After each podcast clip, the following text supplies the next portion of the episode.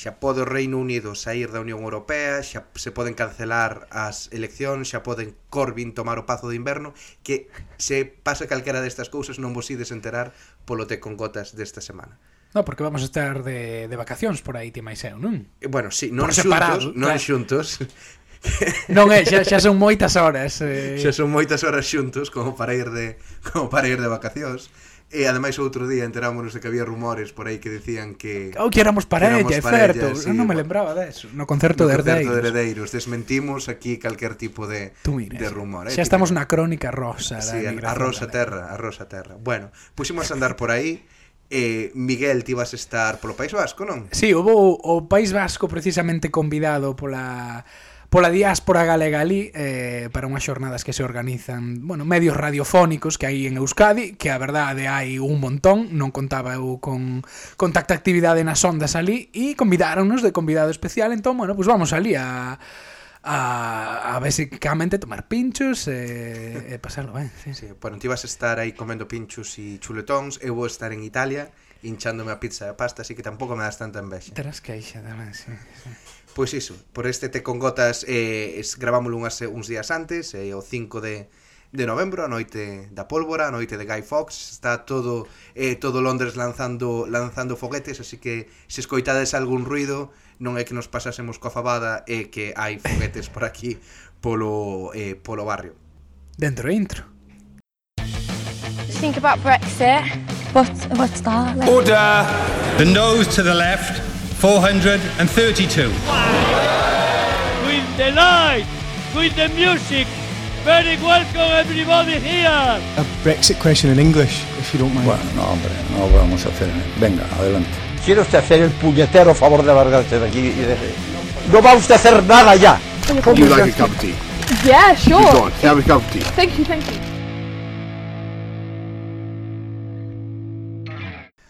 Hoxe imos falar do de Bristol Cable, que un xornal local da cidade de Bristol, como poderedes deducir, que montaron en 2014 tres rapaces saídos da universidade que non sabían moi ben que facer da súa vida. Como podíamos ser ti e o Miguel? Podíamos ter montado o, non sei, o Galician Cable. Eh, sí, o que pasa é que cando ti e máis eu deixamos a facultade o ambiente era bastante lúgubre eh, por dicir algo, non? Estaba, é verdade. acababa de pechar o Xornal de Galicia. Sí. Galicia hoxe. Eh, A edición, a edición del País del Galicia. País Galicia. Vieiros pechara aí uns anos. Sí, tamén. No, bueno, prácticamente ao mesmo tempo, sí. Vieiros, Montáranse algún... A, a nosa terra. A nosa terra.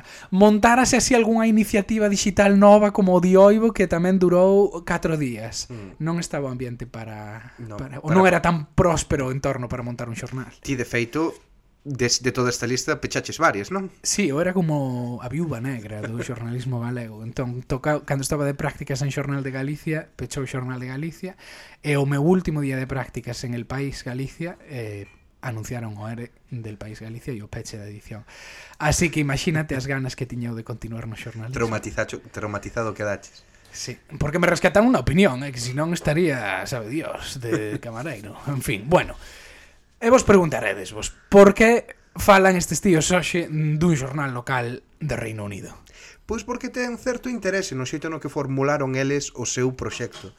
De entrada, é, é un medio independente e no Reino Unido a nivel de xornalismo local iso importa, tendo en conta que en torno ao 80% de todos os xornais locais están controlados por cinco, cinco grandes grupos de comunicación, pois como pode ser no Estado español Prensa Ibérica ou, ou Vocento.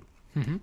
E por outra banda, eh, son unha cooperativa, que algo tamén, bueno, xa, xa nos fixemos un podcast sobre cooperativismo, é algo que aquí nos adoita parecer bastante bastante interesante, unha co cooperativa non só de traballadores, pero de lectores. É dicir, eh, se ti eres socio, eres lector e non traballador desa cooperativa, eres propietario tamén mm. do, pues, da empresa. Claro, son tronca moito ca idea que teñen eles de, de, de, de como xestionar a información e o proxecto, non? Quere dicir, mm. a cooperativa non é só unha forma de obter financiamento, é tamén unha forma de implicar a comunidade, de claro. que a xente que paga por ser socia tome decisión sobre como funciona o xornal, que temas se tratan e tamén coa esperanza de que, bueno, pois arredor desa xente que é socia aparezan novos lectores, aparezan novos apoiantes tamén. Claro, teñen, de feito, encontros mensuais pois cos socios para e cos socias para debatir sobre o que está facendo o xornal e como calquera cooperativa teñen que ter unha asamblea xeral de bueno, neste caso non é de accionistas, unha asamblea xeral eh, de socios a final de ano pois para tomar as decisións estratégicas do medio. Entón sí que ten este esta parte de proxecto comunitario que vai máis alá do xornalismo, non? E tamén é esa función de organizar a comunidade a comunidade local, pero tamén este este xeito que eles teñen de entender o xornalismo afecta ao tipo de noticias, o tipo de contidos que cubren. Uh -huh. Bueno, ti ben o sabes que moitas veces o xornalismo local aquí aínda que producen cousas moi interesantes en algunhas ocasións tamén eh, pois falan fan cousas moi de clickbait ou sí. ou unhas historias moi sensacionalistas ou solo falan do, do entretemento e do espectáculo e, e non fan un seguimento máis profundo da actualidade da non hai mo, non hai moita investigación, non tamén por falta de recursos, claro, é certo que non hai moita investigación. A pesar de que hai unha tra unha historia de unha traxectoria eh, moi longa de de xornalismo de investigación eh, a nivel local, pero foise vaise perdendo por, por esa falta de, de financiamento. De persoal, sí. Sí, eles é curioso porque eles, bueno, pois pues teñen a idea de que o xornalismo pois é un, un ben público e entenden que non hai que cobrar por el. É mm. dicir, eh, a, a páxina web online que teñen eh, en aberto, non ten ningún tipo de muro de paywall, e despois teñen unha suscripción, unha suscripción, unha publicación, perdón, eh, escrita, trimestral, que reparten... Con escrita refirse a empresa. Empresa, perdón, eh, trimestral, que reparten por casas, bares, pubs de Bristol, sí. ten unha tirada de 30.000 30 exemplares, exemplares, que, que, xa que é moito. Bueno, é, sí, importante Sí, e, e é gratuita tamén.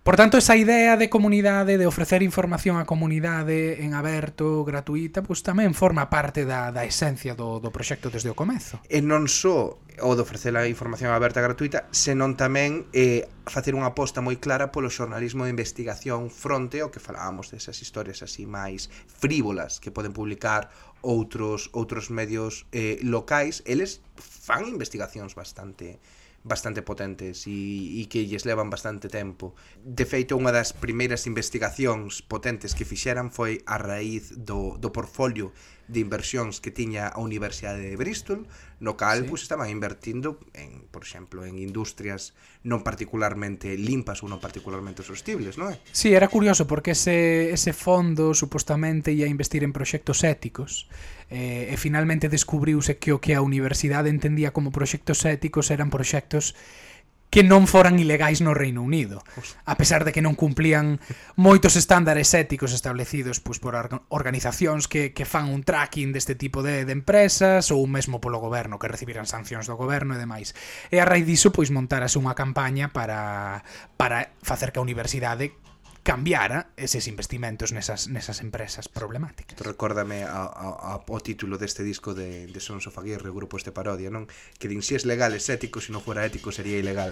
Pois pues algo, no sabía, algo por estilo.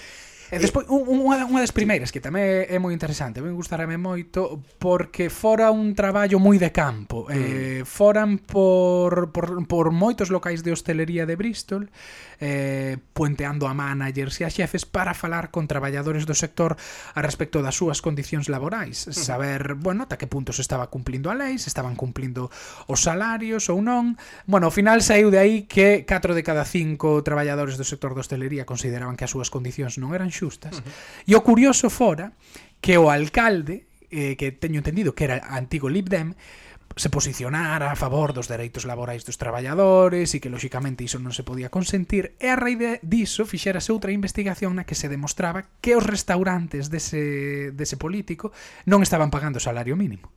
Que, eh, que era, él era propietario es, do restaurante. Exacto, que estaba pagando por debaixo do legalmente establecido, infringindo moitas mm. eh, bueno, moitos dereitos sobre um, dereitos a breaks para, para, para descansos mm. ou por eh, bueno, por razóns personais.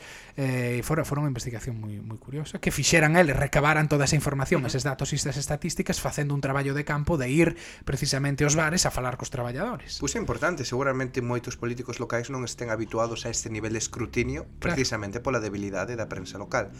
Pero claro, estamos falando pois de grandes historias, estas están, a verdade é que están moi ben, pero isto funciona. Cantos cantos socios ten o Bristol Cable? Eh, claro, porque hai que ser sustentable para sobrevivir. Claro. Agora mesmo teñen máis de 2000 socios que, que bueno, xa é unha cifra importante. Creo que a suscripción teñen que pagar unha libra de pa, para convertirse en socio, despois a suscripción mensual creo que anda alrededor dos 2.50 os 2.70 libras ao mes. Mira, de feito sóname, ahora que falas de 2.50, eso é o prezo polo que terías que pagar se si queres acceder a todos os eh, produtos fantásticos de Té con Gotas. Eso se quere ser o noso eh, Xosé Manuel Baltar.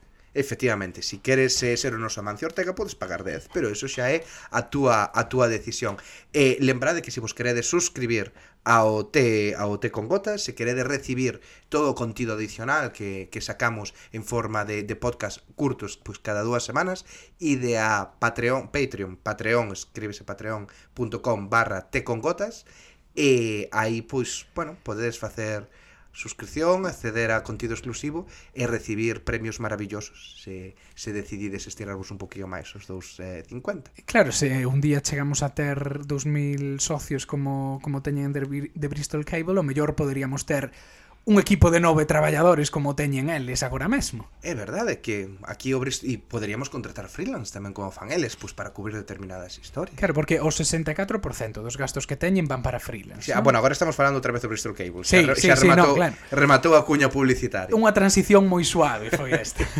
Vale, volvendo ao Bristol Cable E onde gastan e onde sacan o seu diñeiro Vamos a falar agora de finanzas O bo de que sexa unha cooperativa E, e de que sexan así pois, tan éticos E que son bastante transparentes sobre sobre o seu modelo de financiamento. Pois iso. O gordo do, dos gastos van en, en salarios ou en, en pagamento a, a freelance ou a xornalistas independentes. Co grupo organizador que teñen non lle está para cubrir todo, entón traballan pois con moita con moita xente da comunidade, con xornalistas eh, pois de prestixio ou que saiban de, de determinadas de determinados temas e iso hai que pagalo, o 64% dos seus dos seus gastos. Claro, o equipo central de traballadores é un equipo de nove persoas que eh, teñen un salario que son 9 libras a hora, non? 9 libras a hora, O que sí. ven sendo considerado living wage non é o que sería o salario mínimo de España, é algo máis, é o que mm. está considerado, bueno, pois un salario razonable para ter unha vida medianamente decente. E ademais, bueno, pois nunha sí. cidade como Bristol que eh, o non... diñeiro rinde máis que aquí. Exacto, non é non é como a Londres. E teñen a verdade que, bueno, algúns son só reporteiros, outros son reporteiros e teñen traballos máis logísticos de, de xestión sector da comunidade, outros máis comerciais, quero dicir, teñen un modelo de negocio moi ben moi ben definido. Si, sí, a verdade que si. Sí. Eh, pareceme tamén interesante eh, reflexionar un pouquiño sobre as súas vías de ingresos, porque vale, falamos de que teñen algo máis de 2000 socios.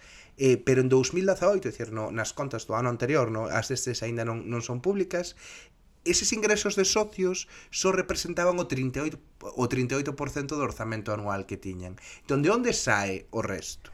pois de, doaz, de doazóns, de fondos filantrópicos que apoian un xornalismo de máis calidade, máis sustentable, pero claro, para chegar aí houve que facer un traballo moi bo desde, desde o comezo. Sí, pero isto, isto e agora xa quero meter aquí unha reflexión un pouco máis máis profunda. E pareceme moi interesante que neste país mogollón de proxectos e están constantemente buscando recadar pois este tipo de, de bolsas, este tipo de axudas, que moitas veces están organizacións internacionais a, a, a xornalismo feito en calquera lingua, é dicir, que non tes que ser eh, británico para que che den estes fondos. De feito, unha das principais, unha das primeiras, perdón, eh, bolsas que, que recibiron foi dunha fundación estadounidense. Sí. Sorpréndeme que isto en Galiza ou no Estado español non se faga máis. Sei, por exemplo, que Cibio... Cibio sí que recibes. Sí que o fai, pero igual é porque un, un dos seus, o creo que o seu director, David Cabo, estivo vivendo 10 anos en Escocia e igual ten aí a, sí. a influencia Sí, é certo, porque outro, pero non é habitual. Outro dos referentes do xornalismo e investigación no Reino Unido, como é o Bureau of Investigative Journalism, é, un, é unha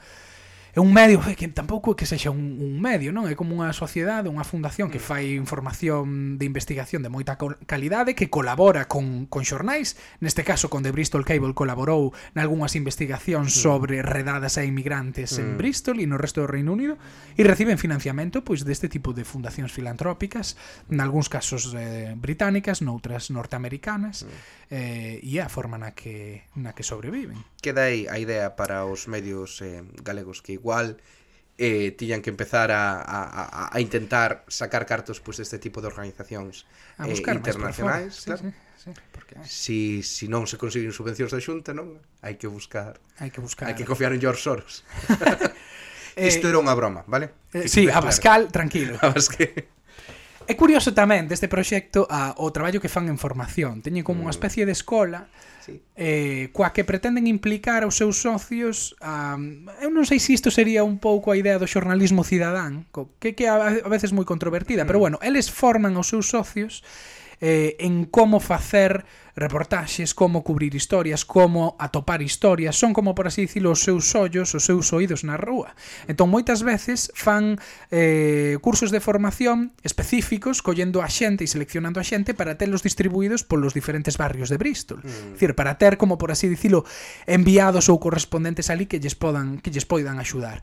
Entón é unha forma de implicar a comunidade eh, pois non só é unha toma de decisións na chega de financiamento, senón na, na, na for, no proceso de facer o xornalismo, non? E escribir as historias, que me parece moi interesante. Claro, e polo menos sabes que esta xente pois van a aplicar eh, filtros ou un sano escepticismo que todo xornalista debería debería de aplicar e a fin de contas iso pois podería axudar a evitar pois que se difunda que que que un medio tome por válido pois calquera vídeo que poda topar nas redes, se tes pois esa base e esa claro. rede de colaboradores ou de amigos que che poden estar provendo información do que está pasando en distintas partes da cidade sin depender de vídeos sin verificar ou de información que podes atopar eh, por redes ou vía outros outros medios.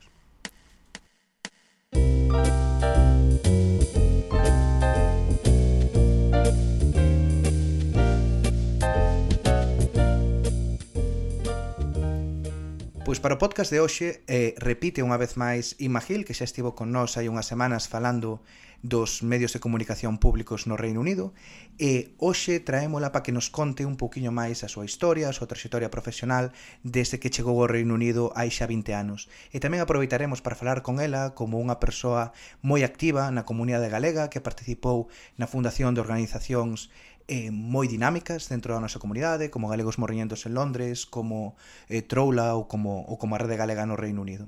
A día de hoxe, IMA está traballando na BBC, concretamente nun proxecto eh, que se chama BBC Ideas. Eh, hola, IMA, que tal? Hola, moi ben, e vos? Moi ben, grazas por participar eh, outra vez máis eh, en Té con Gotas. Eh, comezamos cunha pregunta cunha pregunta moi concreta. Que é BBC Ideas? Vale, pois teño unha resposta moi concreta tamén, porque temos un... Eh, un eslogan ou strapline maravilloso que é Show Videos for Curious Minds, ou seja, vídeos cortos para mentes curiosas. Son cinco palabras que resumen bastante ben eh, o que somos. Somos eh, vídeos pois cortos, de máis ou menos entre 4 e 6 minutos, eh, e son paramente curiosas, que dicir, todos os vídeos están eh, baseados ou parten dunha idea, en principio que é unha idea interesante, eh, unha idea da que se pode aprender algo, e hai, digamos, unha, unha pequena curva de aprendizaxe en todos os, vídeos, todos os videos, ou vídeos, perdón, estou a, a, acostumada a falar en eh, medio latinoamericano e, e me sai videos. Eh, sí, a idea é que, que cando acabas de ver un dos nosos vídeos, pois eh, ou aprendiches algo que non sabías, ou eh, tive, tiveches unha perspectiva nova de algo que xa coñecías pero que nunca o pensaras así, ou tes un par de datos interesantes para falar cos amigos no pub despois, non? Eh... Podes nos poñer eh, un exemplo de como sería ou de que sería un vídeo aceptable para BBC Ideas, un exemplo concreto para que nos xa vimos bastantes, pero digo para que alguén da audiencia que nunca que nunca veu BBC Ideas saiba saiba exactamente a que, te, a que te refires. Os, os vídeos que facemos son moi eclécticos, en parte tamén porque os facemos, algúns os facemos nós, eh, digamos, in-house dentro do que é o equipo da BBC, eh, moitos os comisionamos a productoras independentes, así que varían moitísimo duns a outros. E cubrimos temas que poden ser superficiais, como, por exemplo, se te atas ben os cordóns dos, dos zapatos, se utilizas o no que é máis eh, eficaz, digamos, para que non se desfaga o no, eh, pasando por temas como moito máis eh, eh, mellor filosóficos ou trascendentais non? Sobre que eh, que o xornalismo ou que o orientalismo ou eh, exp exploramos, por exemplo, que é o populismo. Eh, A ver, tamén hai, por exemplo, hai un, hai un vídeo que a mí me encanta que é sobre se realmente os islandeses creen nos eh, elfos, non? Que sería unha especie de trasnos, non sei se, se vistes ese vídeo. Eh, eh, parece un tema así bastante eh, tonto incluso, non? Porque un pensaría que a xente non cree en eso. Pero cando ves o vídeo está feito dunha maneira que é maravillosa, que che fai pensar un montón, é que acaba vinculando, digamos, esta tradición eh, así un pouco folclórica, eh, non de crear de creer nestes seres escuros, eh, o cambio climático, non? É como unha, unha maneira de vinculalo á natureza, eh, de facelo moi actual e vinculalo ao cambio climático. Entón, como dicía, eh, todos os vídeos parten dunha idea e esa idea pode ser algo pois moi simple ou moi complexo. Por exemplo, hai outra serie que temos feito hai pouco que a mí me gusta moito que é sobre eh, pensadores clásicos sobre temas actuais, non? Entón, pois por exemplo, exploramos eh, que diría Platón sobre os referendos ou que diría Simón de Beauvoir sobre eh, o Me Too, eh, Eh, pois nada, a idea sempre é como abordar algo que máis ou menos xa pensabas que coñecías, pero como que darlle así unha reviravolta e eh, facerche pensar eh, dun xeito distinto. Non sei se conseguimos sempre, non? Se, non sei que vos parecen a vosos vídeos, Eu polo que vimos eh, sí. vimos un sobre o orientalismo, outro sobre o libertarianismo e a verdade é que estaban eh, moi ben feitos técnicamente e estaban moi moi ben explicados, un formato breve, pero vamos, explicando. A min a sección está o, bueno, o, o bloque que tedes sobre eh, ismos da A a Z Gústame, gústame moito, parece moi entretido. Para que non, bueno, para que non saiba, basicamente cada vídeo explica pois unha ideoloxía ou un movemento eh, político ou social, pois desde o libertarianismo, o socialismo, o capitalismo, or orientalismo, ese pareceume moi eh, moi entretido. A verdade, é moi moi agradable de ver. Sí, a mí eh. o que me gusta é que, eh, por exemplo, ahora está moi de moda, non? Este formato que chaman explainer, non? Non sei que sería, sí. como se diría en, en, en galego. Vídeos explicativos. Eh, vídeo explicativo, gracias. Sinto que estou metendo todas as palabras en inglés, pero claro, eh, ás veces costame mm, facer así a, a, a traducción máis eh, máis axeitada, non? Pero eh, a, a nos, máis que pensar en, en vídeos explicativos, gustanos imaginarnos eh, como facendo vídeos explorativos, non? O sea, uh -huh. ou sea, a idea non é que eu che explico exactamente que é orientalismo, senón que exploro ese tema contigo, non? E che plantexo, moitos dos vídeos que facemos tamén plantexan novas preguntas, non? Eh, que realmente para que non sempre temos unha resposta ou cada un tería unha resposta distinta, non? Pero a idea non é dar as cousas como machacadas, explicadas xa rematadas, senón invitar eh, non a audiencia a preguntarse cousas tamén. E chamounos atención cando estábamos vendo os vídeos precisamente que a pesar de que a BBC pois é pois un gran referente do entretemento e da información na televisión, tiña BBC Ideas unha gran implantación en, en YouTube. Que rol xoga esa rede social no que é a estrategia de difusión dos contidos que facedes en BBC Ideas? Vale, pois eh, esta é unha pregunta interesante porque eh, ten que ver co, coas dinámicas e coas presións eh, que, que, que teñen moitos eh, medios hoxe, non? Eh, xusto, o motivo polo que eu entrei no equipo foi para lanzar a canle de YouTube, que a lanzamos en outubro, eh, levamos como seis meses, Eh, eh, o proxecto de BBC Iris empezou en xaneiro, quer dicir, cando eu me unín ao, o, a equipa eh, lanzamos a canle de YouTube, pois BBC Iris xa levaba, xa tiña como 9, 10 meses de, de vida, non? Eh, e a idea detrás de, de meternos en YouTube é moi interesante, porque eh, eh, os, os vídeos que facemos están pensados sobre todo para unha audiencia máis ben nova, non? De, de eh, 18 a 45 anos, Pero o que nos pasa, eh, aí vou cando falaba destas pre, das presións eh, da industria, que eh, dun xeito natural o tipo de audiencia que ven a páxina da BBC pois ten unha media de idade bastante elevada, non? Entón, eh, esa é unha das preocupacións eh, que existen na BBC hoxendía, non? Como lle chegar a esa audiencia máis nova que eh, o mellor se move máis ben en redes sociais, eh, non necesariamente ven a páxina eh, web da BBC. Eh, como nós facemos vídeos, esencialmente o que facemos, pois YouTube eh, pareceu, pareceunos, bueno, pareceulles, nese caso, porque eu non estaba aí eh, cando se, se decidiu, non? Pero pareceulles que a maneira de chegarlle a esa xente máis nova era ir á plataforma na que esa xente nova está. Eh, e por eso foi que decidiron eh, abrir a canle en YouTube, eso é o que o que eu eh, principalmente me veño dedicando eh, nos últimos 10 meses. Pero pareceme un debate interesante porque eh, tamén hai outras persoas dentro da BBC eh, que pensan no que están un pouco eh, eh, en contra non de, de, de ir a outras plataformas, porque o que creen é máis ben que deberíamos facer un, un con, contido que atraer a xente nova a nosa plataforma e non dárllelo a unha terceira plataforma. Eh, e penso que esa, eh, esa mesma presión a, a teñen outros medios, eh, outros diarios, outras canles, que non, saben moi ben que facer con YouTube, non? Porque realmente o, o ideal sería que a xente viñera a túa páxina web, non? Neste caso, a túa plataforma, neste caso a da BBC, eh, e que non fora unha terceira, non?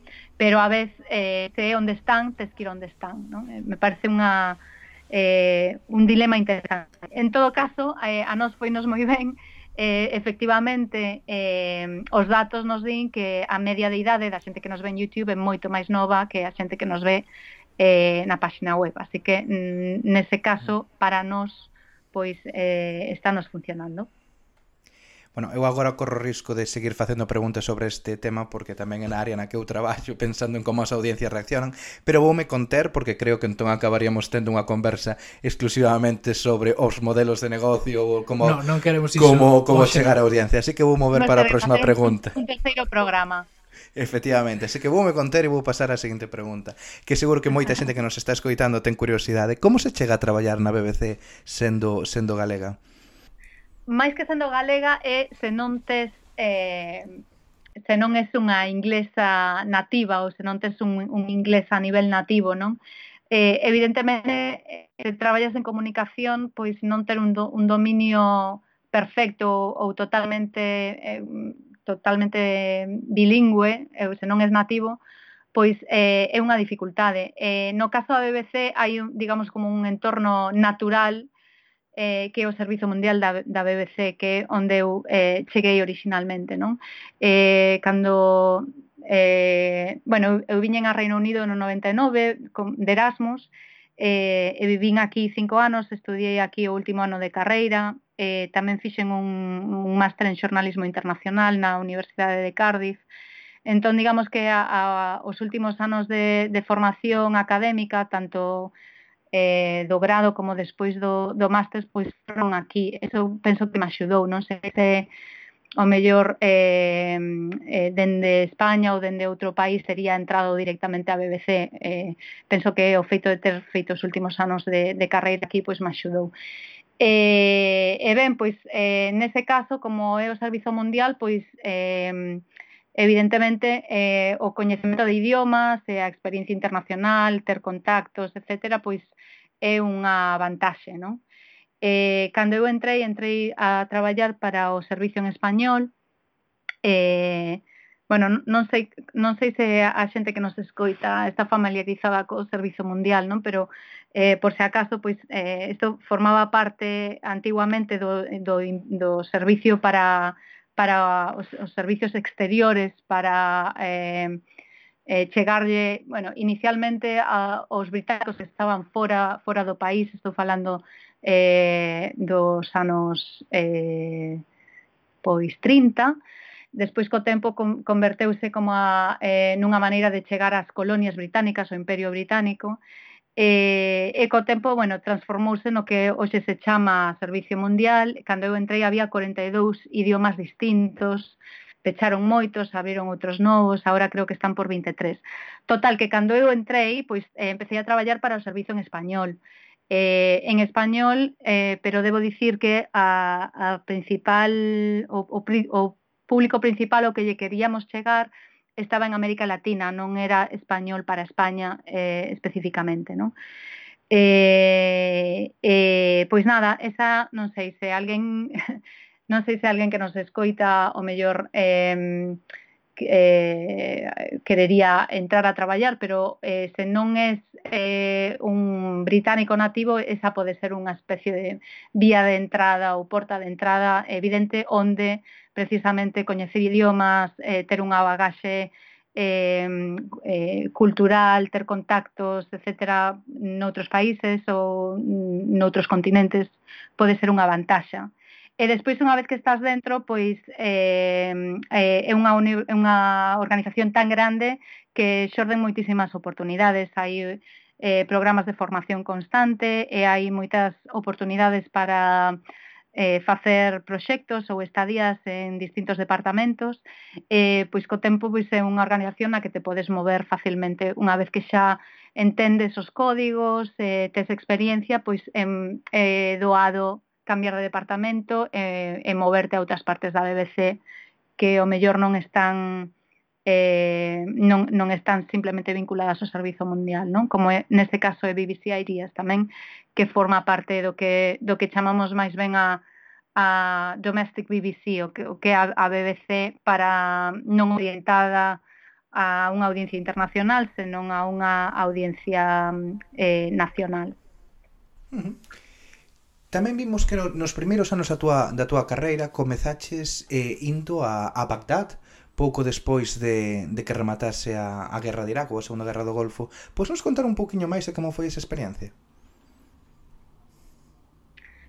Eh, sí, eh, eu fun eh, a Bagdad en 2003 eh, xusto cando estaba rematando eh, bueno, rematando a guerra, eso é tan relativo eh, xusto cando estaba can, despois de que acabaran oficialmente as operacións eh, militares de Estados Unidos en, en, en Irak eh, non sei se recordades a Bush eh, eh, anunciando o fin da guerra eh, desde un eh, desde un acorazado non?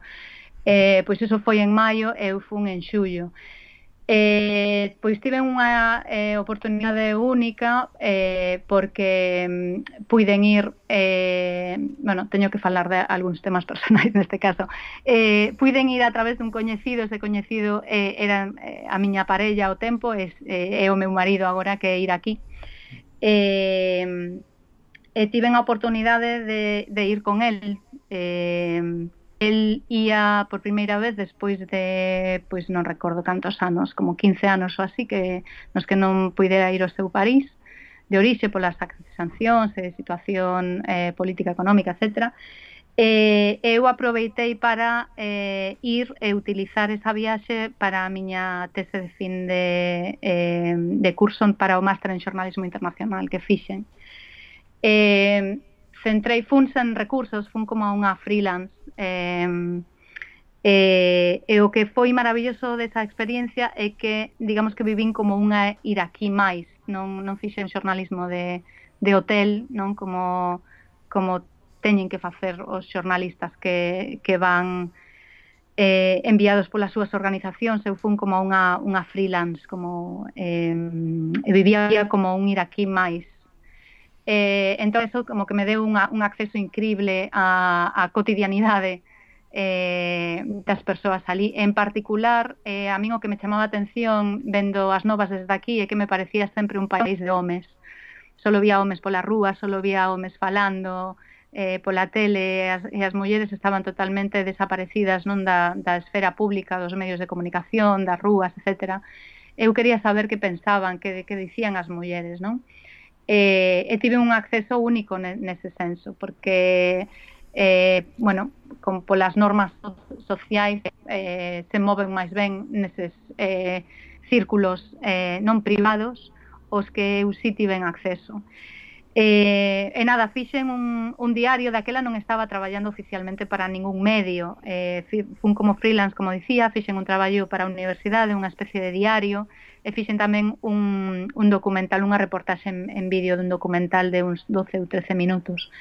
Eh, debo dicir que esta experiencia me axudou moitísimo para despois eh, atopar traballo na BBC tamén, eh, pero o traballo que fixen eh, non se publicou como tal. Fixen, axudoume a facer algúns traballos despois, por exemplo, cando se cumpliron cinco anos da, da guerra en Irak, volvín contactar a algunhas das mulleres coas que falara e fixen un traballo para BBC Mundo e para BBC Arabic, para, para BBC en árabe tamén. Eh, así que sí que foi, foi super interesante a nivel personal e me axudou tamén laboralmente moito para topar traballo despois. No, claro, ten que ser unha experiencia impactante, sobre todo como primeira experiencia casi profesional como xornalista, ao pouco de rematar eh, a carreira, ten que marcar uh, moito. Pero bueno, movéndonos xa un pouquiño máis da, da parte profesional e entrando quizáis nun terreo algo máis persoal e, e Matís é unha persoa moi activa tamén na, na comunidade galega no, no Reino Unido aló por 2008 creo que creo que, que a data e fundaches un grupo de, de Facebook agora casi é referente para a comunidade galega que se chama Galegos Morriñentos en Londres Por que se te ocorre eh, montar eso, eh, ese, ese grupo? Eh, eu eh, montei ese, eh, creei ese grupo por unha necesidade persoal. Eh, nese momento eu era 2008, levaba xa case eh, 8 ou 9 anos en, en Reino Unido e no meu entorno eh, profesional e persoal non tiña, non tiña galegos. Eh, levaba, como xa digo, levaba moitos anos aquí e eh, mm, No tempo que estiven fora de Galicia pasei por unha especie de eh, crise identitaria tamén de redescuberta persoal eh, na que me redescubrín eh, como galega. Eh, e digamos que eh, eh, lanzarme ao Facebook a buscar xente como a min, xente que se sentía como a min eh, foi a maneira que eu tiven de, de, de, de poñerlle unha solución ou de tratar de solucionar eh, eh, esa necesidade que eu tiña, non? E, e daquela, pois, eh, Facebook era un pouco, era incipiente, eu diría, non un pouco incipiente, era incipiente. E, eu vin que había grupos e tal, e dixen, bueno, pois vou crear un, eh, para ver se hai máis xente como a min, xente que estea en Londres, xente profesional que xa estea sentada aquí, que non estea de pasos, non que viva aquí e que estea ben aquí, pero que se sinta galega e que irá eh, celebrar, digamos, a súa galeguidade aquí en Londres. Eh, eh, chamei así, pois un pouco así por casualidade, sempre digo que hoxe en día despois do que do que se acabou eh, no que se acabou convertindo, non? Pois non non lle tería posto ese, ese nome, pero eu quería eh, non quería gallegos en Londres, eh, tampouco galegos en Londres, digamos que, que significa eh, o que buscaba, eu buscaba eh, claro, a palabra morriñente é un pouco folclórica, non, non sei, xa, xa digo que agora sí en frío e co paso dos anos quizáis foi eh, non, non lle tería chamado así, non? Pero naquel momento representou ese adxetivo, representou o que eu buscaba, que realmente o que quería era alguén que se sentira galego en Londres, non? Eh, Eh, daquela antes fora o centro galego, pero debo dicir que non, non me sentín identificada co, co que atopei ali, e por eso decidí meter, meterme ao Facebook, porque me parecía unha rede social eh, nova, actual, onde pensei que habería máis xente como a min, e efectivamente, ao principio éramos pouquiños, pois 8, 25, 30 foi medrando, e despois, pois xa, claro, coa, coa sangría migratoria que houve eh, eh, de, de Galicia pois eh, medrou exponencialmente e agora pois como dicíades me parece que é un referente interesante para para a xente que vive aquí Eh, debo dicir que medrou orgánicamente, eu nunca prevín que fora a medrar así, nin, nin tiña esa idea cando, cando fundei, non? Xa digo que eu fundei eh, esencialmente froito dunha necesidade persoal, eh, pero penso que hoxe cumple unha función xenial, que eu, eso, eu o que digo que hoxe funciona como un tabuleiro de anuncios, sería o equivalente ao, ao que un encontra cando entra na universidade, ese, ese corcho onde todo o mundo que busca ou precisa algo pon un anuncio, non? Eh, eh, me parece que funciona xenial eh, de, desde ese punto de vista, como un punto de encontro para case todo o que queiras que teña que ver eh, coa comunidade galega en Londres ou, ou no Reino Unido. Claro, ti levas 20 anos no Reino Unido, viviches a etapa previa á crise e, como, como dixeches, a sangría de novos emigrados que chegaron a partir de, bueno, 2009-2010. Eh, como percibiches o cambio na comunidade galega do, de Londres e do Reino Unido? A ver, eu debo dicir que deste, dos 20 anos que levo en Reino Unido, realmente os primeiros 10 non estiven en contacto coa eh, comunidade galega, non? Precisamente mm. por iso me xurdiu a necesidade de eh, de, de buscala, de, de creala. E creei unha comunidade realmente que non existía, porque o que existía como comunidade o centro galego, pero a xente nova como a min que estaba chegando non non estaba ali, non non non ía ali ou non non se sentía tan identificada, realmente ou que crear novas formas de eh, asociacionismo, non nun contexto pois máis actual, e, e máis moderno tamén. E, nestes dez anos cambiaron moitas cousas. Quizáis eu pertenezo a unha, pertenzo a unha onda migratoria previa á crise económica eh, de xente que non que, que veu o Reino Unido quizáis con máis opcións eh, buscando ou, ou ben melloras eh, laborais ou educativas ou un pouco eh, movidos por certa, certa aventura, non de, de viaxar, de ver mundo, etc. Eu, eu sinto que quizáis os que viñemos nos anos 90 pois eh, non, non viñemos nunhas circunstancias tan difíciles, nin nos atopamos nunha situación tamén tan difícil ou tan vulnerable como a xeración que viu pois eh, despois da crise económica, non a partir de 2009, dos, 2010, non que houve unha verdadeira eh, eh, sangría migratoria. Eh, En certo modo, aínda que estexamos o, digamos, as razóns eh, ou os contextos migratorios sexan distintos, penso que as necesidades como migrantes son moi parecidas, incluso moi parecidas ás, ás dos migrantes dos anos eh, 60, eh, cos que o mellor agora non, non vemos eh, tantos puntos en común, pero realmente sí que os temos, o sea, cambian os tempos, pero as necesidades son iguais, son esa, esa necesidade de eh, afirmación identitaria, eh, de crear unha comunidade, de ter claro o, a, a onde pertences, e de afianzar non esas redes eh, esas redes comunitarias, porque na emigración eh, moitos non temos familia, daquela esa rede non comunitaria eh, é a que che dá eh, ese, ese respaldo, ese colchón que na, no teu país de orixe pois é o teu entorno, a túa familia, os teus amigos máis achegados. Entón penso que esas necesidades continúan sendo estando aí eh, e por eso me parece que eh, non só galegos morriñentos, senón todas as outras eh, asociacións que, que se crearon despois en anos recentes das que xa tendes falado eh, no podcast me parece que por eso tamén eh, están eh, sendo exitosas, porque realmente a necesidade segue estando aí, aínda que sexa en formatos eh, distintos.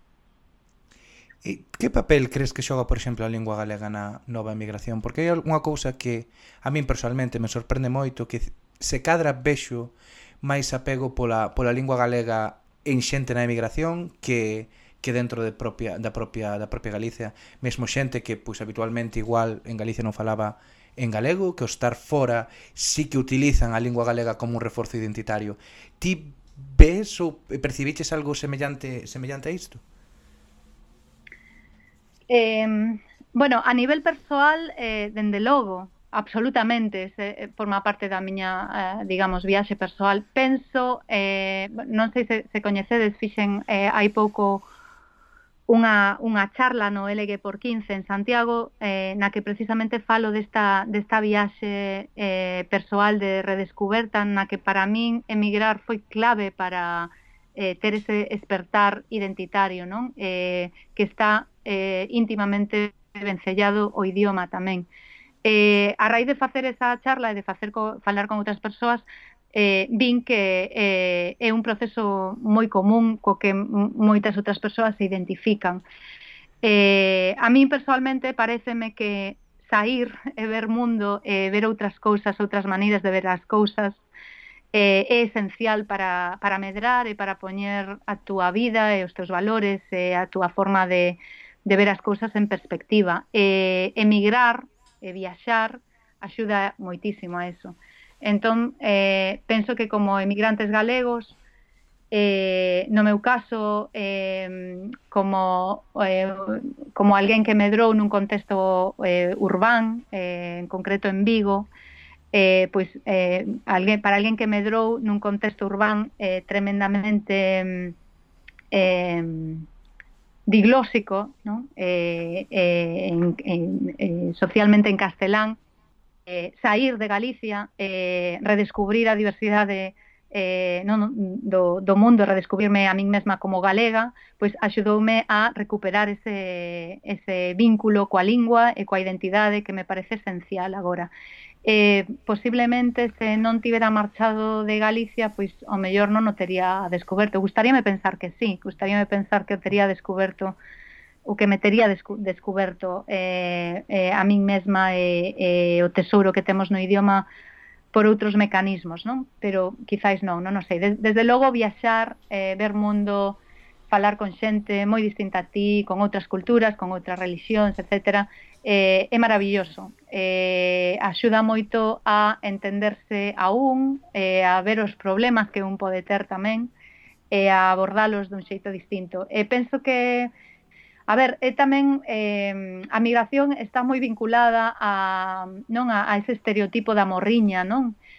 Eh, está, é interesante ver que hai detrás da morriña, non? Máis, a, máis alá do estereotipo de, de, de migrante morriñento ou, de, ou da morriña, que hai detrás diso? Máis alá do folclore e da comida, eh, non é, é, de, desa, de, de laiarse non pola terra, que hai detrás diso? E penso que detrás diso hai sentimentos que son moi universais, que teñen que ver con pertenza, con identidade, e, e sair, sair do país, e sair do entorno dun e ver outras cousas axuda moitísimo a redescubrirse.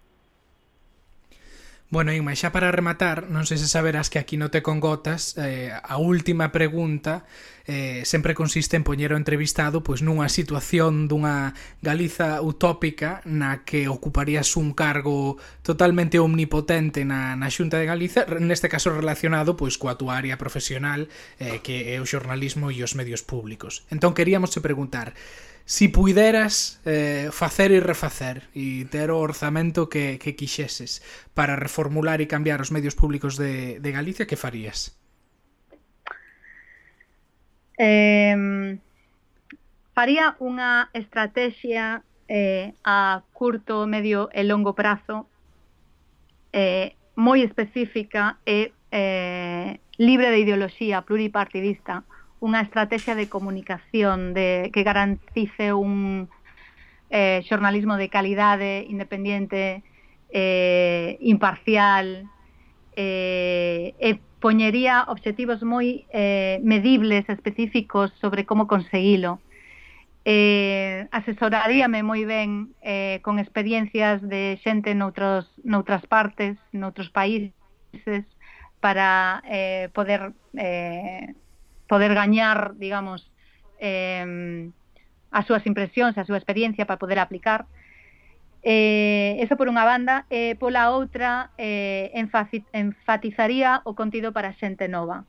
Eh, como medio público de radiotelevisión temos unha eh, un compromiso e un deber eh, esencial co idioma que é esencial para o futuro de, de Galicia, da nosa identidade, de nós como povo.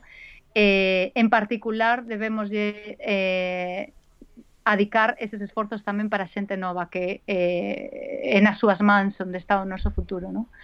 Eh, entón, eh, programaría conte contidos eh, para, para nenos eh, super interesantes, super actuais, diversos, eh, libres de sexismos e de, de estereotipos de xénero eh, e que enfatizaran os valores dos que nós como galegos pois nos debemos sentir eh, orgullosos eh, tamén como, como povo, como identidade e que sobre todo garanten que teñamos nenos que se sintan eh, medren fachendosos eh, do que somos do, do legado lingüístico e cultural que temos e que só poidan medrar e aspirar a cousas grandes. Pois, eh, como unha persoa da xeración xabarín que precisamente medrou con estes contidos infantís que marcaron tanto lingüísticamente unha xeración, pois despedimos eh, a Inma con esta reflexión, así que moitas grazas. Moitas grazas a vos por convidarme. Thank you.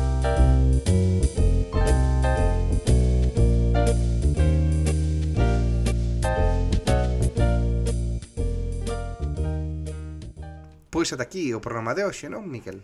Sí, a próxima vez que nos escoitades probablemente teñamos uns quiliños de máis despois das nosas respectivas viaxes por separado, ti por culpa da pasta e da pizza, eu por culpa dos pinchos e os chacolís. Pero bueno, se queredes eh, seguir conectados co Té con Gotas, ainda que haxa algo máis de sobrepeso, lembrade que agora vos podedes suscribir ou facer socios e socias eh, do noso podcast, apoiarnos económicamente, indo a patreon.com barra tecongotas, aí podedes elixir que tipo de doazón mensual nos queredes facer, dese 2,50 2,50 dólares, que vos daría acceso ao podcast eh, Tes en Gotas, que é a versión curtiña que sai cada dúas semanas, e daríamos acceso en exclusivo, ou pagarnos 10 dólares e tamén xa vos damos unha taza e todo, e aí xa nos, nos Ser estibramos. Un, un gran patrón. O gran patrón, un mecenas, un Amancio Ortega eh, do Té con Gotes. E tamén sabedes que temos o, o newsletter no que ofrecemos todas as semanas información máis en detalle do que está a pasar aquí no Reino Unido e as nosas análises nas redes sociais, en Facebook e Twitter. E a maiores, o noso WhatsApp, onde podedes mandar mensaxes de audio co que queirades. O número é máis 44, que é o prefixo británico, 7402-547125. Mandade o que queirades. Eh, hoxe temos un programa sobre política e ideas, pero mañá podemos ter un hablar por hablar versión británica.